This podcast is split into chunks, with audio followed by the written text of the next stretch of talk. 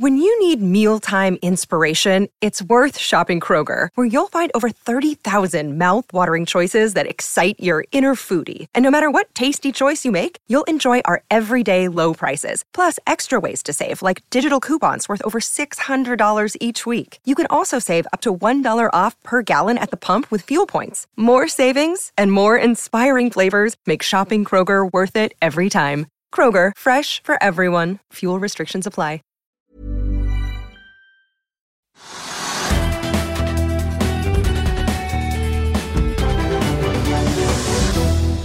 Hei og velkommen til Økonominyhetene. Vi har pratet med administrerende direktør Bård Bjølgerud i Pangea Property, som har lagt frem tall om næringseiendommarkedet, men først en oppsummering fra Oslo Børs. Hovedindeksen stiger nær 1,6% godt hjulpet av en oljepris på vei opp igjen. Et fat brentspotolje koster nå 72,5 dollar. Dagens foreløpige vinner er Bergen Carbon Solution, som stiger rundt 19 Selskapet meldte i dag at det vil utvide driften, og investor Øystein Streisbetalen er blant storeierne.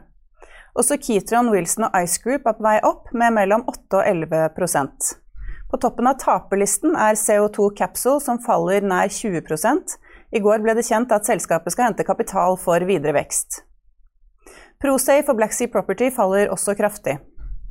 Advinta og Equinor er børsens foreløpig mest omsatte aksjer. Begge er opp, men mest stiger Equinor med rundt 3,5% Og I Europa er det også oppgang på børsene, og det går mot en positiv start på aksjehandelen i USA.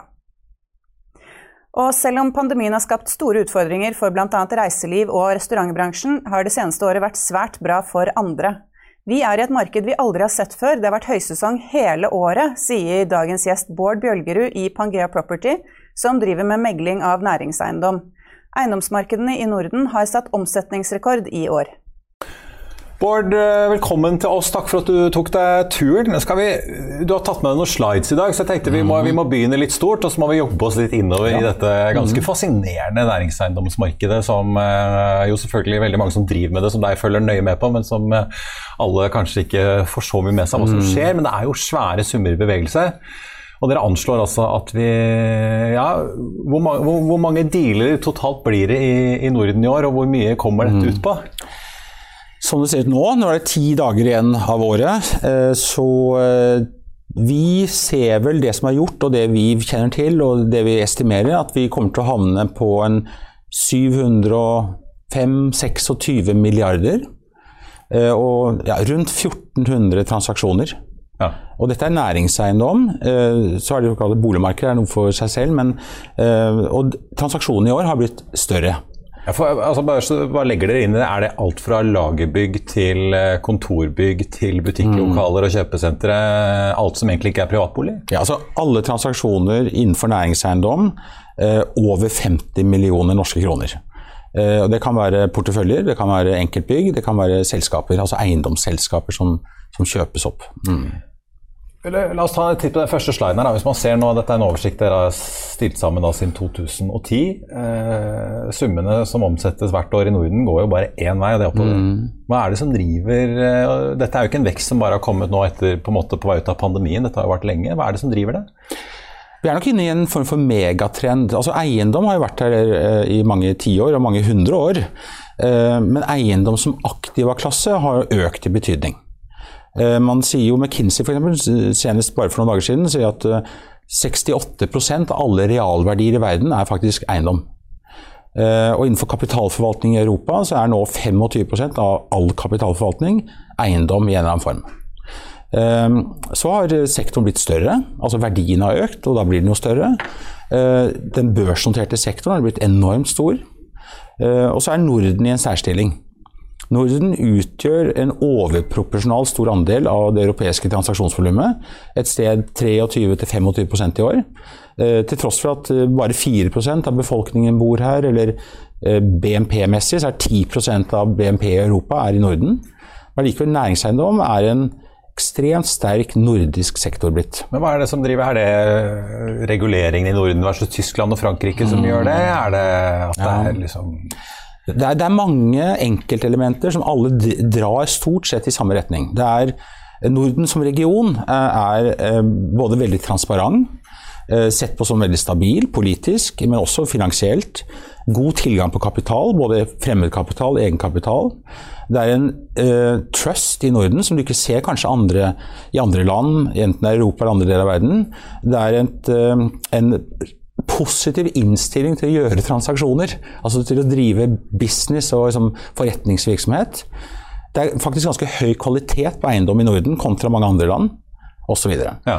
uh, og så har du et lavt rentenivå, og så har du en underliggende økonomisk vekst i tillegg. Så, og alle disse tingene her er viktige, og i sum så gjør det at interessen for å investere i eiendom i Norden blant de som bor i Norden, men også internasjonale aktører, er økende og betydelig. Tanker slo meg, Det minner nesten litt om historien til oljefondet. Man har begynt å få stadig mer eiendom inn inn i fondet, men det, det, får vi ha til en annen sending. Du, la oss ta en liten titt på disse forskjellige nordiske landene. For eh, altså det går bra i, i, Norge, men vi blir jo slått av både svenskene og danskene i vekst, i hvert fall. Ja, i prosentuell vekst. Ja.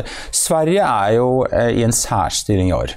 Ja, for det, og det er jo et betydelig større marked enn Norge. Ja, ja. Eh, du kan si at eh, Over tid så utgjør Sverige omtrent halvparten av det nordiske markedet. I år enda litt mer. Eh, eller si rundt, rundt halvparten i år. har vokst med 93% i transaksjonsvolum. Danmark er vel på ca. 61% og Norge ligger rundt 54 eh, sant? Og så har du Finland, som vel er den eneste, eneste delmarkedet i Norden som står litt stille i år. 6% vekst? Ja, det var ikke ja, så mye. Nei da, det er ikke så mye. Men Finland er et litt spesielt marked. Skal ikke bruke tid på det kanskje nå, men altså, Finland er et marked som er et vindu som åpner seg i kortere perioder, og så lukkes det i lengre perioder. Eh, så de er inn, veldig inn, og har vært det noen år. I, akkurat i år så har det ikke vært så aktivt som vi ser i Sverige og i Danmark og Norge. Vi hopper og tar en titt på, på, Norge, for det er jo det er trøkk i Sverige det er trøkk i Danmark, men det er jammen meg trøkk i Norge, Bård. Ja, ja. Og, og, det er jo også noe som ikke bare har liksom startet nå, dette har pågått over år. Mm. Du ser her på, på grafen din, så, så lå dere jo inne på et snitt Eh, hvis man tar liksom perioden 2010 til 2015 ca., på rundt 42 milliarder kroner i året. Mm. Det er nå mer enn doblet til 95 milliarder kroner årlig de siste fem årene. Ja, så har vi år i år, som, vi, ja. som tar det enda til neste nivå. Anders Fantastico 2021. Ja, ja. Nei, altså, det er som du sier, sånn, vi, vi kom fra kall det en andredivisjon fra 2010 til 2015. Så kom utlendingene på banen og la sin elsk på Norge. 14, 15, 16 osv. Og løftet aktivitetsnivået til nye nivåer, nesten det dobbelte. Eh, og så er vi på vei inn i kanskje neste divisjon igjen, eh, som er kanskje en Champions League. Eh, der vi, jeg tror i hvert fall at vi kommer til å ligge på godt over 100 milliarder fremover årlig. Det skyldes jo ja, Er det så enkelt som at utlendingene har blitt mer kjent med oss? At liksom ja, nå er jo, altså Utlendingene må jo si et par ord om også. fordi Utlendingene i år det er svensker, i all hovedsak. Eh, går vi tilbake til 2015 og 2014, eh, så var det amerikanere, engelske, tyske eh, og en del svensker. I år er svenskene totalt dominerende. De utgjør over 90% av den utenlandske andelen av liksom, volumet i Norge. Men først og fremst så er jo og Utlendinger utgjør ca. 20 i år. Men først og fremst så drives det norske markedet av lokal kapital, syndikater, også institusjoner, fond, private selskaper og også børsnoterte selskaper som Entra. Mm. Så uh, det er et veldig livlig marked. Du kan nesten si at det er liksom, over hele fjøla, både segmentvis og geografisk, høy aktivitet. Ja. Så jeg tror jo at uh, for ti år siden og de neste fem årene så lå vi på 45-50 milliarder i snitt. Så de neste fem årene, fram til i fjor, så lå vi på ja, rundt 90-95 i snitt. Nå er vi på vei mot neste nivå, som er kanskje 120-150 i året ja. i transaksjonsvolum. Og Det handler for så vidt eh, kanskje ikke bare om at eh, ting bytter hender oftere, men også at det er større på en måte bolig, byggekomplekser til salgs. Vi har ja. sett liksom, store bygg i Bjørvika, Fornebu skifte hender. Uh, og det er jo også industrianlegg som skifter hender. Jo, altså, ja. For det første har verdien økt. Så Ett og samme bygg har mye større verdi i dag enn uh, Men så ser vi at det er større transaksjoner og antallet bygg også som omsettes. Så har du helt rett i at uh, kompleksene som omsettes, har blitt større. I år har vi sett veldig mange eiendomsselskaper omsettes. Selskaper som har vært i enten privat eie Og så kommer man til enten et generasjonsskifte, eller man føler at nå man har gjort jobben, så nå kan man handle det over, eller man får en veldig god pris. Noen eiere har jo definert sin eierperiode på forhånd. Eh, sånn som Hightech Vision, f.eks., som solgte ABP. For, da har vi listen her over de største mm. dealene som har vært i løpet av året. da. La oss ta den. Det er jo liksom, det er ikke et kontorbygg, for å si det sånn. Det er jo infrastruktur, eh, havne, hva skal man si, har logistikk og havneeiendommer mye. Dette Asset, asset Buyout Partners mm. til Hightech Vision som ble kjøpt av mm. Balder. En kjempetransaksjon. Mm. Ja. Altså, den listen som vi nå ser på, den er jo de ti største transaksjonene i Norge i år. Eh, den inneholder alle typer segmenter. Og Det er ganske interessant. Eh, den inneholder kontor, som du nevner, også industri. Nummer to her er også industrilogistikk. Det er jo, eh, det er jo havnebaser som er en logistikkfunksjon for aktiviteten i Nordsjøen, og som over tid kanskje kommer til å endre seg til å bli mer logistikkhuber. Eh, stor interesse både i Norden og internasjonalt for den transaksjonen. og så ble det Balder da, som kjøpte det til slutt. Ja. Og På to toppen av listen finner vi jo eh, en kandidat som eh, Eller et navn hvert fall, som veldig mange kjenner igjen, nemlig Entra. Mm. Kampen om Entra ja. begynte vel egentlig for et år siden, men den har jammen ikke eh, tatt helt slutt enda, virker det som. Men eh, har disse svenskene nå inngått en slags sånn fredsavtale med hverandre, eller hvordan leser du det? Jeg vet ikke. Eh, vi får vente og se. Ja. Eh, nå eier Balder drøyt 36% og Castellum eier rett under 33% hva de velger å gjøre, det er vel en av de tingene vi får vente å se i 2022. Og SBB var innom, men de har vel solgt seg ut igjen? De har solgt seg ut igjen, men da gjør de andre ting istedenfor. Kjøper bl.a. Solon. Ja, ikke sant? Mm. Hva, hva, hva, er, hva, er, det som har drevet disse svenskene? Du snakket jo om det i sted, dette enorme, på en måte, den enorme svenske dominansen på listen mm. i, eh, over store handler i Norge. Hva er det som driver dem over grensen til Norge? Altså du kan si at det, Disse svenske selskapene, som uh, flere av de er jo relativt nye også. SBB er jo et ganske nytt selskap. Uh, de drives eller eies og kontrolleres av personer som faktisk kan mye om Norge. Så de har på en måte interesse for Norge, den ligger i bunnen. Så har de behov for å utvide markedet sitt, fordi det svenske markedet blir for lite. De har jo enorme vekstambisjoner, alle sammen. Og da beveger de seg ut av Sverige. Til Finland, til Norge, til og med Tyskland, Danmark etc. Eh, og så leter de med lys og lykte. Og så har de en valuta med seg, altså en betalingsevne som er enorm. Tilgang på kapital som er nesten ubegrenset. Eh, og så er de mer og mer opptatt av å bygge litt sammensatte selskaper som står på flere ben, istedenfor å være et rendyrket selskap som bare jobber med en viss type eiendom. Eh, så vi ser Balder, Castellum, eh, SBB og, og flere med de ønsker å bygge bredde, både geografisk og segmentmessig. Og så, så er de overbevist om at størrelse betyr veldig mye. Ja. Uh, og prises også på børs ut ifra forventninger om at de skal bli mye større. Og det der blir jo en sånn spiral. Så det var litt tilfeldig at alle fant frem kalkulatoren og regnet seg frem til at Entra var lurt å kjøpe samtidig, omtrent, eller? Nei, det begynte jo med SBB. Jeg, jeg tror jo ikke nødvendigvis at Balder eller Castellum hadde tenkt så mye på Entra. De hadde tenkt litt, men de hadde ikke tror jeg, satt foten ned at dette vil vi gjøre. Eh, men når, først begynner, eh, når den ballen som de sier i Sverige, kommer i rulling, da kan ikke de andre bare stå og se på, da må de også agere. Ja.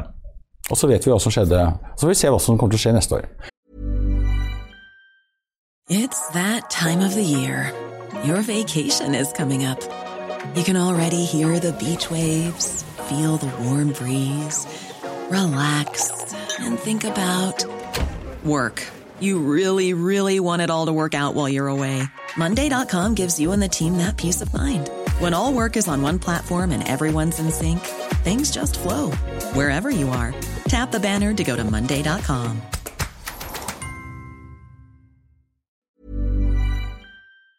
I'll see you in court. Vi sier det ofte litt på spøk, men for deg som driver business, er det aldri moro å innse at du ikke har laget en 100% gyldig kontrakt. Du bør ikke risikere hele firmaet ditt fordi du synes dette med kontrakter er litt stress. En avtale er ikke en avtale. Du kan miste kunder, miste venner, ja, til og med miste inntekter om du ikke lager en skikkelig kontrakt, på alt mulig, egentlig. Men vi vet det er et styr. Kopimaskiner, tregprinter og haugevis av papir. Dessuten stoler vi jo på folk her i landet. Det er ofte litt kleint å skulle be om en signatur for alt mulig, ja, for mye av styret handler også om jakten på underskriften. Det finnes en enkel måte å løse dette på. Dukkobit. En trygg, effektiv og get this, gratis måte å sikre seg en god natts søvn pluss en juridisk bindende avtale. Dukkobit-appen har de strengeste sikkerhetskrav i bunn, samt en EU-godkjent og sertifisert teknologi. Framover vil det bli behagelig å spørre du, skal vi skrive under på det, eller? Kom i gang på dukkobit.no. Vi har sett eh, altså, Tollefsen i Heimstaden har jo også eh, gjort noen voldsomme transaksjoner. Er, det, er, det, spesielt at, at, man i Sverige har så stor kapitaltilgang, eller har man den i Norge òg? Eller er det et eller annet måte med de finansielle vilkårene selskapene opererer med, som gjør at eh, de svenske mm. kan holde på i den størrelsen de holder på?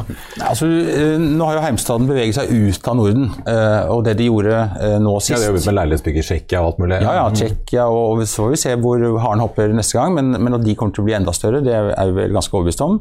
De har tatt turen til Island. Eh, Tyskland har de da blitt veldig store i, Nederland osv. Eh, de finansierer seg mer og mer i euromarkedet, der rentene er enda lavere. Men eh, vi har en rentespredd mellom Norge og Sverige som er over 100 punkter. Og så har du en ytterligere rentespredd i euromarkedet. Og Jo større disse selskapene blir, innenfor visse segmenter i hvert fall, så har de veldig gunstig både, altså De har mye kapital tilgjengelig, og de har veldig billig kapital. Og Det betyr at de kan betale godt samtidig som de kan løfte ganske store transaksjoner. Det er en fordel i forhold til de norske sånn sett, at de har en ja, de rentefordel? ja, og nå er Heimstaden i utgangspunktet et svensk selskap, selv om de har en norsk hovedeier. Ehm, men de har på en måte bygget seg store i Norden og så beveget seg ut av Europa. Og de har jo vekstambisjoner, de også, til å bli vesentlig større. Og jo større du blir, dess mer robust oppfattes du også av ratingbyråer og andre. Og på en måte så, så får du stadig vekk lettere tilgang på billig kapital. Ja. Og også egenkapital. Vi kan jo nesten bare, Du har med en slide her også, som viser egentlig hvor mye svenskene faktisk har kjøpt for. Det er jo altså, ja. øh, siste par, par årene 70 milliarder. Ja, og det er de siste to årene. sant? og Dette er jo både direkte og indirekte. Dette er jo også Balder og Castellums andel av, av eiendomsverdiene i Entra. Da, sant? Men, ja. men, det er 70 milliarder. Eh, eh, så kom Nyfotsa på banen her om dagen og kjøpte seg inn i et norsk selskap, de også. Eh, de har store vekstambisjoner. Så kommer da noen nye aktører bak der igjen, som også har vekstambisjoner. Og alle disse er svenske aktører. Som enten jobber sammen med norske partnere. Nyfos har valgt en partner i Norge. Eh, Balder er jo inne i Anton, altså Anton B. Nilsen, som heter Anton Eiendom. SBB har jo gått sammen med Obos i dag, osv. Så, videre. så det er, altså det er kompaniskap, det er sånne joint venture-selskaper, og så er det ting de gjør alene. Ja. Og Hvis du ser de svenske eiendomsselskapene, hvordan de eier eiendom, så eier de veldig ofte deleide posisjoner i andre noterte selskaper, eller i, i kall det klubber sammen med andre aktører. Og På den måten så har de enda større sjanse for å bli større enn bare å kjøpe ting 100% selv. Ja, for de sitter med 10% her og 25 ja. her. Og, mm, ja. Mm. Men tror du det, altså, denne interessen og finansielle fordelen de har eh, i Norge, vil den beholde seg i 2022? Tror du? Ja, det tror jeg. Det tror jeg. Det blir spennende å se hva som blir ja, neste ja. store mm, dealen. Mm, mm. Til slutt må vi jo eh, snakke litt om eh, børs. I Norge så er det jo eh, Ja, vi har jo Entra, da, som vi får se hva som skjer. Norwegian mm. Property har jo Jon Fredriksen kjøpt ut. Mm. Så den har jo forsvunnet fra børs. Og så har vi Olav Thon, da, gode gamle Olav Thon, som det ikke er så veldig mye sånn trading i, for det er jo ikke så mye friluft i den aksjen. Nei. Uh, tror du det kommer til å skje noen endringer sånn strukturelt, eller blir det fortsatt uh, litt sånn status quo på liksom, den norske delen av det noterte markedet? Det skjer, det skjer, jo noe i Norge også. Det skjer vesentlig mer i Sverige. Uh, bare den siste måneden så har tre nye selskaper blitt børsnotert i Sverige, og to selskaper er under oppkjøp. Så der er det en veldig sånn, konsolidering og aktivitet. I Norge har Aurora Eiendom blitt børsnotert. Eh, så det er jo et nytt tilskudd da, til en relativt liten eiendomsselskap. Jeg, jeg, håper at Entra fortsetter å, å være børsnotert. Jeg tror det er viktig for det norske eiendomsmarkedet jeg tror det er viktig for det norske aksjemarkedet at de, de har en investeringsmulighet i form av Entra, som er et veldig godt selskap og, og, og etter hvert blitt veldig stort. Eh, men vi får se hva som skjer. Men jeg tror det er veldig sunt at vi har store norske eiendomsselskaper børsnotert. Ja, for dere har jo, eh, hva skal vi si, Er det Pangeas eiendomsindeks, skal vi kalle den det? Jo, jo. Ja. Vi, vi har en egen indeks uh, som er utviklet av For Den norske har ikke gått sånn superbra. Hvis man ser på utviklingen i Olav Thon og Entra, så har det ikke vært så veldig mye oppgang uh, siden uh, I år har det ganske. Ja. Nei, det er ganske flatt i år. Den store endringen kom i fjor. Fordi Entra var da i den situasjonen de var, så gikk jo kursen Og Entra veier ganske tungt. Mens Olav Thon, som du selv sa, har ligget ganske stille. Så fikk jo Norwegian Property et løft når, når Fredriksen kom med sitt bud, og pliktige bud. Eh, Men det er riktig, det er jo nok en gang i Sverige det skjer. Og den sektoren har jo økt med 44 eh, hvis vi ser det indeksmessig i år. sant? Um, og totalindeksen i Sverige har økt med ja, 28 sånn som det ser ut nå. Eh, ser vi dette over en lang tid? Altså, for dette er jo typisk en, en, et, en kommentar man får til eiendomssektoren på børs fra en investor. Det at ja, men eiendomssektoren er mye mer volatil. Eh, For den er giret. Nå er gjennomsnittlig belåningsgrad i eiendomsselskapene på børs er et sted 50-55% Så det er ikke spesielt høyt giret.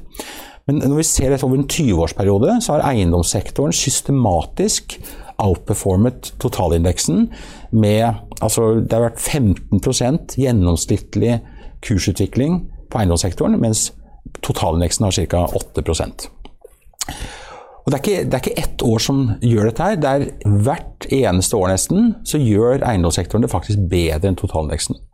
For når markedet faller under finanskrisen eller, eller andre kriser, dotcom osv., så, videre, så faller ikke eiendomssektoren uh, særlig mer enn totalindeksen. Eh, Så vi er ikke veldig overrasket over at vi nok et år har et sånt bilde. Det som er spesielt i år, er at vi har en vekst på 44 Det er klart det er Ja, i Sverige den er jo veldig høy. og ja, langt og, si at den over, over tid da, i gjennomsnitt er ca. 15 da. Ja. Uh, og hva kommer det til å være fremover? Mm, det er jo vanskelig å spå. Sant? Vi sitter jo ikke og spår i den type indekser. Men at eiendomssektoren også neste år kan gjøre det bedre enn totalindeksen, ja, det er vi faktisk ganske trygge på. For det er en sektor vi, vi vet det kommer til å skje veldig mye spennende i. Ja, Apropos eh, noen spådommer for eh, 2022, da.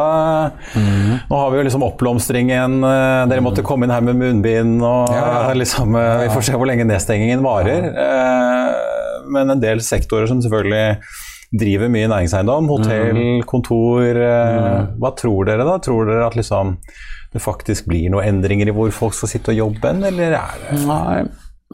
Altså Rent generelt om neste år eh, Det vi ser av fart ut av dette året, aktivitetsmessig, eh, transaksjonsmessig, er at eh, året kommer i hvert fall til å begynne like aktivt som det sluttet. Og vi, vi ser jo si, visibilitetmessig tre-fire måneder frem i tid. Vi ser jo hva vi selv jobber med, som ikke er transaksjoner som er gjort, men som vil bli gjort i januar eller februar eller, eller kanskje i mars. Eh, Det er volumet vi kjenner igjen fra dette året. Så det bare fortsetter. Eh, Vi tror jo at eh, 22 blir et veldig aktivt år, veldig spennende år. Det kommer til å skje mye, til og med ting som vi ikke har tenkt på. Eh, I hvilken retning får vi se. Eh, Men hvis eh, koronasituasjonen normaliseres, altså ikke at vi kan vende tilbake til en normal, kall hverdag om du vil, da? Eh, så har vi allerede sett at hotell kommer fort tilbake igjen. Raskere enn det mange tror. Vi, vi ser at handels kall det bransjen og, og handelseiendommer, ikke alle, men, men et godt utvalg, kommer til å få en, en bedre periode enn det mange har fryktet. Uh, Vi tror at kontoretterspørselen faktisk kommer til å øke og ikke gå motsatt vei. Uh, Det bygges også ganske lite. Uh, Så det er en del fundamentale faktorer som peker i riktig retning. Ledigheten innenfor kontor kommer til å falle en del fremover. Hvorfor tror dere at etterspørselen etter kontor kommer til å øke? Da? Hvis, eh, det, tror dere ikke at liksom, folk blir sittende mer hjemme? Jo, vi tror, vi tror folk kommer til i hvert fall en viss type eh, bedrifter og, og arbeidsfunksjoner kommer til å jobbe mye hjemmefra. eh, Eller være på reise. Slik at de ikke bruker kontorer nødvendigvis så mye. På den annen side, de som er på kontoret, har behov for kanskje litt mer plass, litt flere funksjoner. Og så tror jeg det er en ganske viktig faktor. Bedriftene har råd til å faktisk investere i fine kontorer, funksjonelle kontorer og kontorer som de ansatte trives i. Enten de er på jobb hver dag, eller bare noen dager i uken. Ja. Litt at du faktisk må skape et eller annet som folk har lyst til å dra Ja, til. ja, ja. det, dette er en konkurranseparameter som vi vel har sett, eller mange har sett over tid, at det er mer og mer fokus på faktisk hvordan det er på kontoret, hvordan det ser ut, arkitektur, funksjonalitet, det skal investeres. Det skal være your second home. Sant? Man jobber mye, i hvert fall ganske mange. Og kontorkostnaden din som en del av en prosent av dine totale driftskostnader er fortsatt lavt, altså 7-8 ja. eh, Om du må betale 1% mer av dine totalkostnader for at de ansatte skal være fornøyd, og kontorene skal være et ansikt utad også, ja, det har veldig mange råd til. Ja. Og så Det siste poenget jeg bare tenkte å ta, er jo dette med, med retail. Du var inne på det, handel. Mm. Det, det, virker ikke som netthandelen har tatt knekken på nærsenteret med det første. Nei. Og det tror vi heller ikke at den kommer til å gjøre. Eh, nå utgjør netthandel et sted eh, ja, rundt 8 eh, av total varehandel i Norge. De neste ti årene så tror man det kommer til å vokse til mellom 13 og 15 Med andre ord, netthandel kommer ikke til å overta for liksom, varedistribusjon helt og fullt. Snarere tvert imot. Fysisk handel har vist seg å ha mange viktige funksjoner. Fysisk handel kommer til å være dominerende om ti år. Eh, vi ser også at de som er netthandelsaktører, kjøper seg nå inn i fysisk handel. Så det er en, det er en konvergens, en sånn omnikanal som vokser sammen. Og så må man også huske på at et kjøpesenter består av mer enn bare varehandel. Det er tjenester, det er liksom tilbud, det er offentlige tjenester, det er helsetjenester, sånn. det er treningssenter, det er restauranter, underholdningstilbud. Det er et sosialt møtepunkt for mange. Eh, så funksjonen kjøpesenter blir ganske viktig. Men ja. det, er, det, er, forskjell på et godt kjøpesenter og et dårlig. Jeg skulle til å si, altså, De som da investerer i type opplevelser, eller ja, at det er et sted hvor du finner mer enn bare den ja. uh, butikken du skal fly inn og hente et eller annet, de, uh, de klarer seg. da. Det er kunsten. Å finne og plukke de riktige og de beste sentrene. Og så er det kunsten å være god til å forvalte de.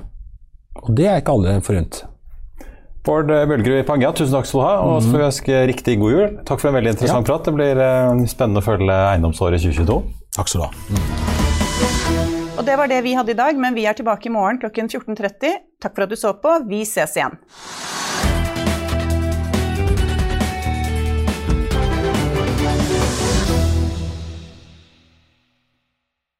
Økonominyhetene er en podkast fra Finansavisen. Programledere er Marius Lorentzen, Stein Ove Haugen og Benedikte Storm Bamvik. Produsenter er Lars Brenden Skram og Bashar Johar. Og ansvarlig redaktør er Trygve Hegnar.